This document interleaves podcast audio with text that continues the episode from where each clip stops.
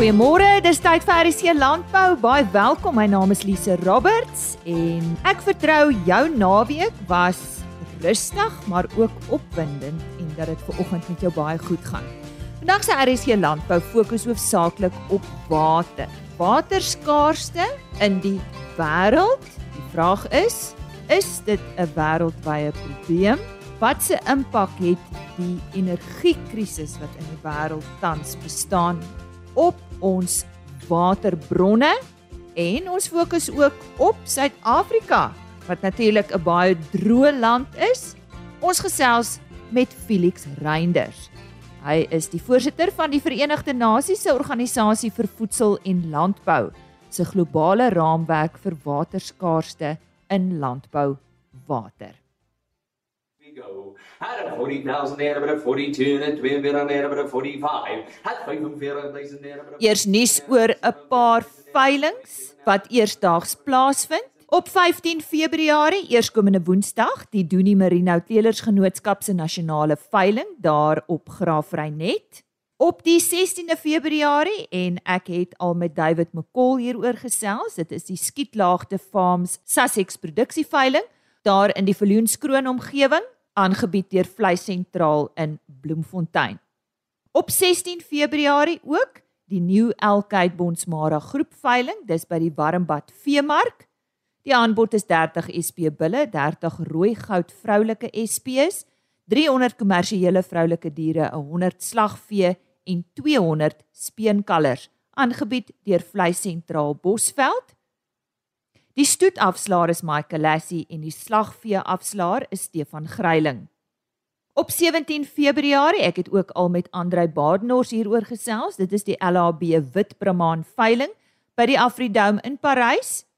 Op 22 Februarie, die Buck Ridge Bonsmara derde produksieveiling. Dis by die Klakgaming veilingskrale daar op Vryburg. Die aanbod is 20 geregistreerde bulle en 100 vroulike diere aangebied deur Andrei Kok en Seun. Dan praat ek ook eerskomende Woensdag met Lawrence Alm van die Mielieboere Bonsmaras. Dit is hulle 35ste produksieveiling op 23 Februarie by Hopefield in Viljoenskroon en uh, onthou om uit te luister vir daardie onderhoud eerskomende Woensdagoggend. Ook op 23 Februarie 'n gesamentlike veiling van Lukasdam dorpers en CJ Kutse wit dorpers. Dis op die plaas Lukasdam in die Posmasburg omgewing.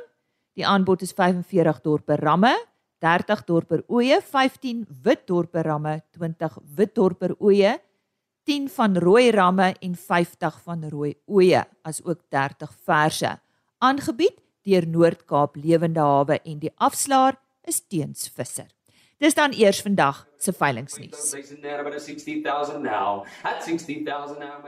Ons is almal bewus van die geweldige impak wat beerdkrag op water het. En water is iets wat landbou baie nodig het, nie net in Suid-Afrika nie, maar ook wêreldwyd. Ons gesels oor water vandag. Ons gesels oor besproeiing, dreinering, waterskaarste en met niemand anders as Felix Reinders. Felix is lekker om jou weer in die ateljee te hê. Baie welkom. Baie dankie Lisa. Dit is sommer lekker om weer hier by julle te kan kuier. Vir die wat nie vir Felix ken nie, hy is 'n landbouingenieur en uh, hy is tans die voorsitter en vergewe my as ek dit aflees want dit is 'n baie lang titel van die Verenigde Nasies se organisasie vir voedsel en landbou se globale raamwerk vir waterskaarste in landbou water. Nou dit is inderwaar 'n mondvol. En dan is hy ook die erepresident van die internasionale kommissie vir besproeiing en dreinering.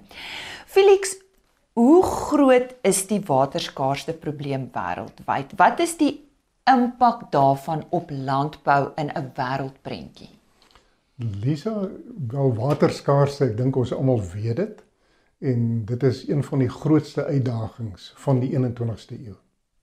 Nou as mens 'n bietjie gaan kyk na syfers, dan uh is dit so dat net 3% van alle water is varswater. En daarvan is 2/3 vasgevang in gletsers of in die pole. Noordpool en die Suidpool. Met ander woorde, ons het so 1% het ons beskikbaar vir al die bedrywe. Met ander woorde, jou besproeiing of jou landbou, jou huishoudelik, jou uh, bedrywe, ehm um, en dan natuurlik ook jou mynbou. So die volumes is natuurlik altyd die een wat mens ook uh, kan noem. En as mens nou dat die gemiddelde reënval in die wêreld kyk, dan ontvang ons so min of meer 110 000 kubieke kilometer water. Nou dit klink miskien dan net 'n syfer, maar dit is 'n redelike klompie water en daarvan word so 1.4% deur landbou gebruik. Nou uh, as ek net kan terugkom sê maar na Suid-Afrika toe. Suid-Afrika se gemiddelde reënval is so 495 mm. So as ons dit nou omskakel, dis nou in 'n jaar. in 'n jaar, ja. ja. Omskakel in 'n volume, dan is dit so 110 000 miljoen kubieke meter. En daarvan verdamp so 60 000 miljoen kubieke meter. So ons het so 50 000 miljoen kubieke meter wat afloop en daarvan word so 32 000 miljoen kubieke meter in damme vasgevang. En dit word dan versprei tussen al die bedrywe. En die hoeveelheid wat Suid-Afrika tans gebruik is so 18 000 miljoen kubieke meter water. So mense kan nou sê maar goed, dit klink nie te sleg nie. Maar ons moet ook onthou die water is op plekke waar daar nie mense is nie of waar daar nie ontwikkeling is nie. So ons moet planne maak om dan die water te bring en te gee en te kry waar dit dan gebruik word. So in kort waterskaarste is 'n probleem wêreldwyd. Selfs in Suid-Afrika, ons is die 30ste droogste land in die wêreld. So ons het eintlik nie water nie. As mens sommer net vat die gemiddelde reënval van 'n land soos ehm um, Hawaii. Hulle kry so 10000 mm per jaar. Ons kry 495. So mens kan sien daardie totale kontraste van van reënvalpatrone met dan natuurlik sy gevolge en impakte van water wat nie beskikbaar is nie. Nou hierdie probleem van waterskaarste, is dit iets wat meer of minder word die probleme? Dit is iets wat mense kan maar sê meer word want die gebruik van water het basies verdubbel in die laaste mense kan maar sê aantal jare teenoor die bevolkingsgroei. En dit is so dat uh, ons meer water nodig het om voedsel te kan produseer. In terme van wat van 1960 af gebeur het tot nou, uh, is daar uh, in die orde van syfers van hoe die produksievlakke gelyk het van sê maar stapelvoedsel. Jou uh mielies, jou rys en so meer. Uh, Wêreldwyd. En as mens nou dan hardie projeksies sou doen na 2050 toe. Met ander woorde, ons gaan aan op ons huidige produksievlakke. En ons kyk wat het ons nodig in 2050? Dan beteken dit ons gaan 'n tekort hê van min of meer tussen 50 en 65% voedsel. En die rede is water en dan produksie. So so dit is een van die groot bekommernisse wêreldwyd in terme van hoe gaan ons daardie gaping verklein. Suid-Afrika se eie berekeninge is dat ons 'n 17% gaping in water beskikbaarheid gaan hê teen die jaar 2030. Nou ons is nou 2023. So dis oor 7 jaar. Ja, om die draai. En ons sien al, ons sien al in sekere ons uh, dink maar terug aan Kaapstad wat hulle van dag 0 gepraat het en alles wat daar rondom gegaan het en dit is net as gevolg van weerpatrone wat verander het. In Januarie byvoorbeeld uh, het ons gesien wat was die impak van afwesigheid van reën met hittegolwe met uh, reënval wat onder 30% was uh, in 'n plek soos Pretoria waar ek nou al 50 jaar se rekords by my huis het. Uh het ek ontledings gaan doen en Januarie is eintlik ons beste reënmaand van al die maande met so 142 mm. En ons het hierdie afgelope Januarie maand het ons maar hier by die 38 mm reën gehad. So dit is ver onder die gemiddeld en soortgelyk het dit uh, in die land ook uh, onder gemiddeld gegee. Felix, hoe, hoe word hierdie ehm um, waterskaars probleem aangespreek internasionaal? Ek weet daar seker talle projekte as jy dit net kortliks vir ons kan verduidelik. Ja, daar is natuurlik en ek dink almal is bekend Lize met die uh, sogenaamde waterverwante teikens van uh, die 2030 agenda van die Verenigde Nasies. En dit praat van die sogenaamde volhoubare ontwikkelingsdoelwitte. In Engels praat hulle van die Sustainable Development Goals. SDG's. En daar's 'n totaal van 17 van dit. En waterskaarste word dan spesifiek in 6 aangespreek. Met ander woorde lande uh het verskillende sub kategorieë binne daardie doelwitte wat hulle dan werk doen en rapporteer oor op 'n jaarlikse basis aan die Verenigde Nasies om dan te kyk hoe vorder hulle in die aanspreek van daardie doelwitte. As ek nou maar 'n paar kan noem, SDG uh, nommer 6. Dit is skoon water. Een van hulle. Ons ons weet hoe die situasie in Suid-Afrika is. Die volgende een is SDG 2 wat zero honger is. Met ander woorde nou sien ons weer water en voedsel, zero honger. Dan praat ons van SDG 1 wat uh vermindering van armoede is of voorkoming daarvan. Uh dan het ons SDG 15 wat dan uh praat van jou uh lewe op land. SDG 13 uh wat praat van klimaatsaksies en dan natuurlik uh, SDG 17 vennootskappe. Met ander woorde, hoekom mense bymekaar verskillende partye, verskillende departemente, verskillende wêrelddele om dan waterskaarste aan te spreek. En rondom dit word dit gedoen en ek dink as mens nou net vinnig 'n paar kan noem, bewusmaking. Dit klink nou eenvoudig, maar ja, bewusmaking ja. om mense te sê, hoorie, ons het net soveel water. Dis ons vermoë in Suid-Afrika. Spaar water. Wend dit reg aan. Ons praat van ontsouting van water wat meer en meer natuurlik plaasvind want soutwater onthou is 97% van alle water in die wêreld. Uh afvalwaterherwinning wat alreeds plaasvind. Uh ons praat van verbeterde besproeiingsdoeltreffendhede, beter tegnieke en so meer. So al hierdie goed word navorsing riglyne en uh werk op gedoen. Nou ja, ek het in my inleiding verwys na ons energiekrisis in Suid-Afrika en die impak wat dit ook op water het. Uh ons beweeg so bietjie nader aan die huis as ons terugkom, so bly ingeskakel.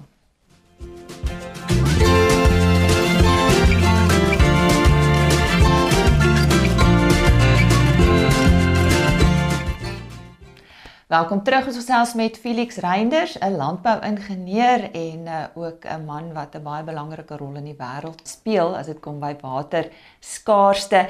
Ek het voorheen verwys na ons energiekrisis en ek dink die hele planeet nie net in Suid-Afrika nie en ek verwys nou nie hier na beerdkrag nie, ek verwys na baie meer as dit. Ons dink maar wat in tussen Rusland en Oekraïne gebeur en die impak wat dit op Europa het en so aan. Uh watter rol speel dit by water? Dis baie interessant Lise, jy het seker al gehoor van uh die term of die beginsel van water, energie en voedsel nexus. Nou as mens na daai drie kyk, hulle is interafhanklik van mekaar. Met ander woorde as daar een iets met een gebeur, dan het dit 'n impak op een van die ander of op albei. Soos energie iets mee verkeerd loop in die wêreld, in Suid-Afrika, het sy dit kragonderbrekings is, voorsiening van krag, beerdkrag, dan het dit 'n impak op die water en op die voedsel. Met ander woorde dit kan gesê word die watersekuriteit, energiesekuriteit en voedselsekuriteit kan in gedrang kom. Met ander woorde, as ons dan nou net gaan kyk wat word gedoen binne die waterenergie voedsel nexus, dan is daar navorsing wat uitwys hoe die een die ander raak. Want voedsel word geproduseer deur plante waarby water wat met energie gepomp word om dan water vir die plant te gee. So sou daar dan nie krag wees nie of energie nie, dan kan ek nie die water pomp nie. En dit impakteer dan op die voorsiening van daai voedselproduksie. So veral in kritiese tye is dit vir die boere 'n groot bekommernis en reeds 'n groot probleem want hulle kan nie water pomp as hulle nie krag het om dit te doen. Nou goed. Ek is seker daar's talle van ons besproeiingsboere wat na jou luister vandag. So en ons weet van hulle is aartappelboere en ons wil weet of jy dalk enige sinvolle raad vir hulle kan gee vandag. Hoe moet hulle anders dink? Ja, kyk, ek dink dis 'n moeilike een, maar 'n uh, mens kan nou op 'n praktiese manier ook kan mens sê uh en as ek nou maar weer 'n voorbeeld van syfers kan noem uh om om 1 mm te besproei. Vat dit so in 'n omgewing van 2.5 kW uur om dit te doen. Nou 'n stelsel word ontwerp om aan die piek waterbehoeftes te voldoen. En dit kom uit klimatologiese data. Ons is Suid-Afrika baie gelukkig. Ons het 'n 'n program wat bekend staan as SAP WAT, Suid-Afrikaanse Procedure for Water Requirements. En daaruit kan ons enige gewas, enige plek in Suid-Afrika kan ons vasstel wat is daai piekbehoefte. So wat die ingenieur of die ontwerper doen is om dit te neem en dan 'n ontwerp te doen om dan die plant se behoefte aan te spreek. So as mens na ekonomiese ontwerp gaan kyk, so hy moet tegnies en landboukundig natuurlik nou reg ontwerp word. Dan praat ons van 22 tot 24 uur wat daai besproeiingsstelsel loop om die water toe te dien. So as daar nou byvoorbeeld energieprobleme is en die boer kan vir 2 ure uh nie besproei nie, 4 ure, 6 ure, dan beteken dit hy kan vir 10%, 15%, 20% nie aan die behoeftes van die plant voldoen nie. En as mens nou gaan kyk gewaskundig in piektyd. As mielies byvoorbeeld 10% van sy water nie kry nie, dan is die verlies 20%. So mense kan nou sien wat is die uiteinde van jou energiekrisis nou en dit wat jy dan toekoms gaan oes. So die raad natuurlik is dat boere en ek sê nie hulle doen dit nie. Ons boere is baie ek wil amper sê nou geset in hoe hulle besproeiing aanpak want hulle grootste koste is krag. Want krag se koste as mens sou sommer net 'n vinnige sommetjie maak van daai 2.5 kWh per millimeter en jy met 600 mm in die seisoen neersit dan kom dit terug na 375 000 rand vir 100 hektaar om te besproei. So as jy nou planne maak om te sê kom ons gaan nou kragopwekkers en sonpanele wat moontlik is, dan is dit duur en die duur uh koste beteken jy kan tot 5 7 keer meer betaal. So praktiese raad is ons goeie beplanning, skedulering van ons water, weet wat het die gewas nodig op 'n gegeewe tydstip deur gebruik maak van klimatologiese data meetinstrumente in die grond, advies wat beskikbaar is deur privaat uh, konsultante en so meer om dan die regte besluit te neem om die regte hoeveelheid op die regte tyd te gee. So wat is alternatiewe maniere langtermyn wat boere kan implementeer? Sonpanele, sonkrag, wat is maar Hulle kan dit, maar dit is baie duur. Ehm um, byvoorbeeld nou net as ons nou net gepraat oor die oor die kragopwekkers. Uh wat natuurlik moontlik is, maar dit is geweldige koste uitleg. Met ander woorde en jou loopkoste is 5 tot 7 keer hoër as wat jy elektrisiteit gebruik. En en dit is op hierdie stadium wat impakteer op ons boere.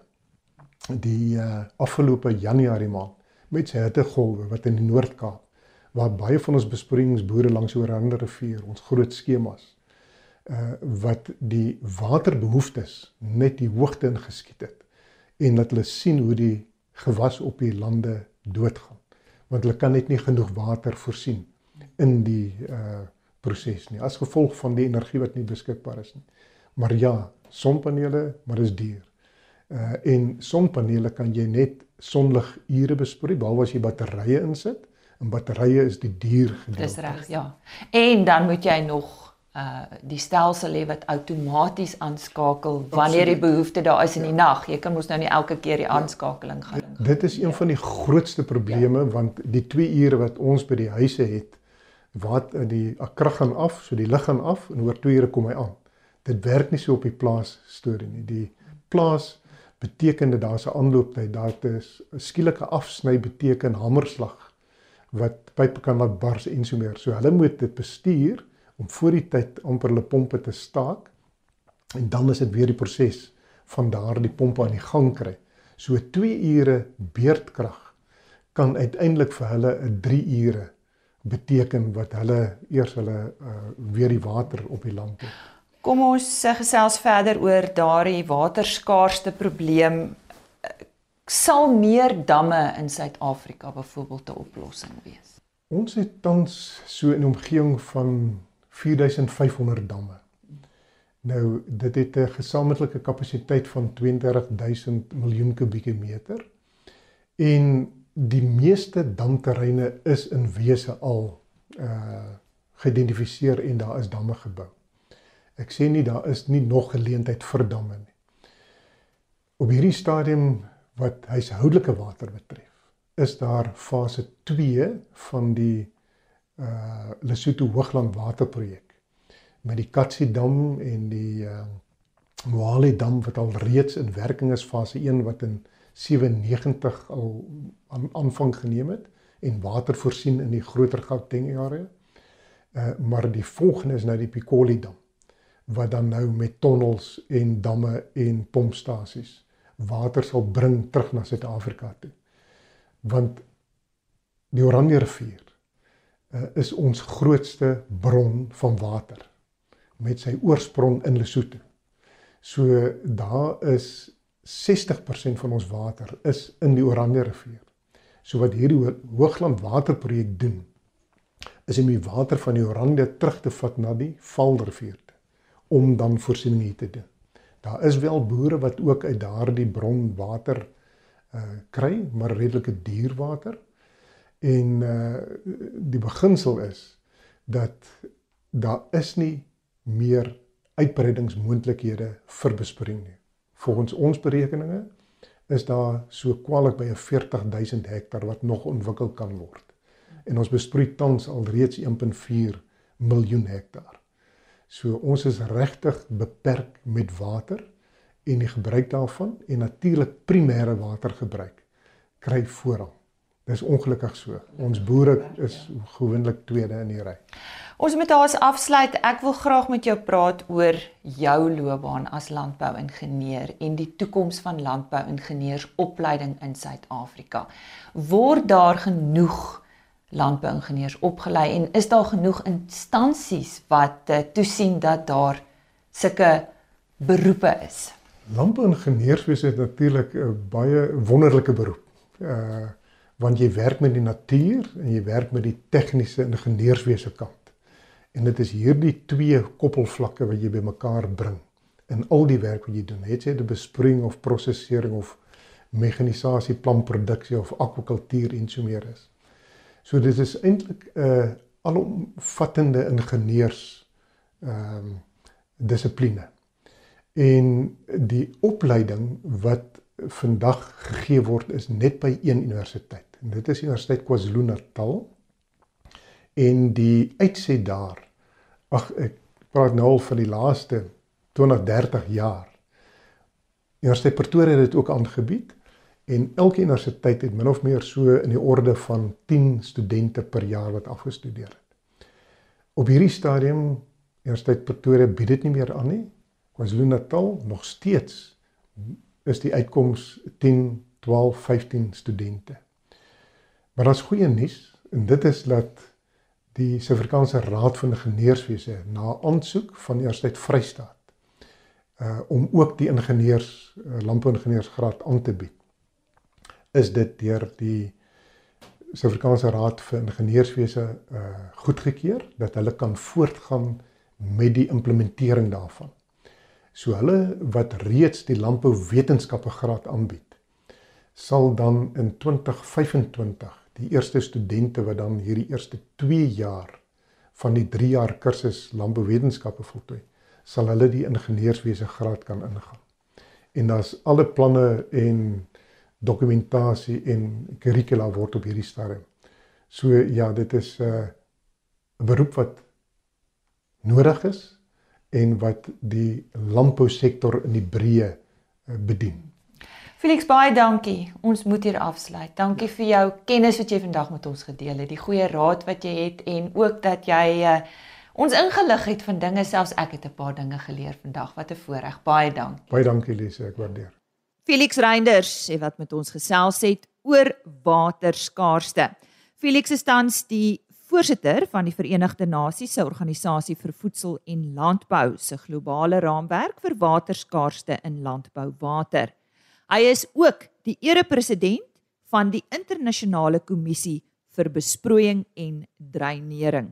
Nou, ongelukkig het ons nou nie by die dreinering uitgekom vandag nie. Die tyd het ons definitief ingehaal, maar ek uh, hoop om uh, om 'n volgende geleentheid met hom hieroor te gesels. Baie dankie dat jy vandag ingeskakel het. Onthou, die volledige RSC landbouprogram is op rsg.co.za beskikbaar. Hierdie onderhoud sal ook op www.agriorbit.com beskikbaar wees. Kyk net bo in die bladsy onder podcast. Daar is RSG Landbou en dan word die datum van die program gelys as ook al die onderhoude onder die datum. 'n E-posadres: rsglandbou@plaasmedia.co.za. Môreoggend op RC Landbou natuurlik ons wolmark verslag met Heinrich Victor van OVK en dan het ons 'n boeredag vir opkomende boere, 'n Sernik boeredag bygewoon en môreoggend berig ons hieroor. Totsiens. RSG Landbou is 'n plaas media produksie met regisseur en aanbieder Lize Roberts en tegniese ondersteuning deur Jolande Rooi.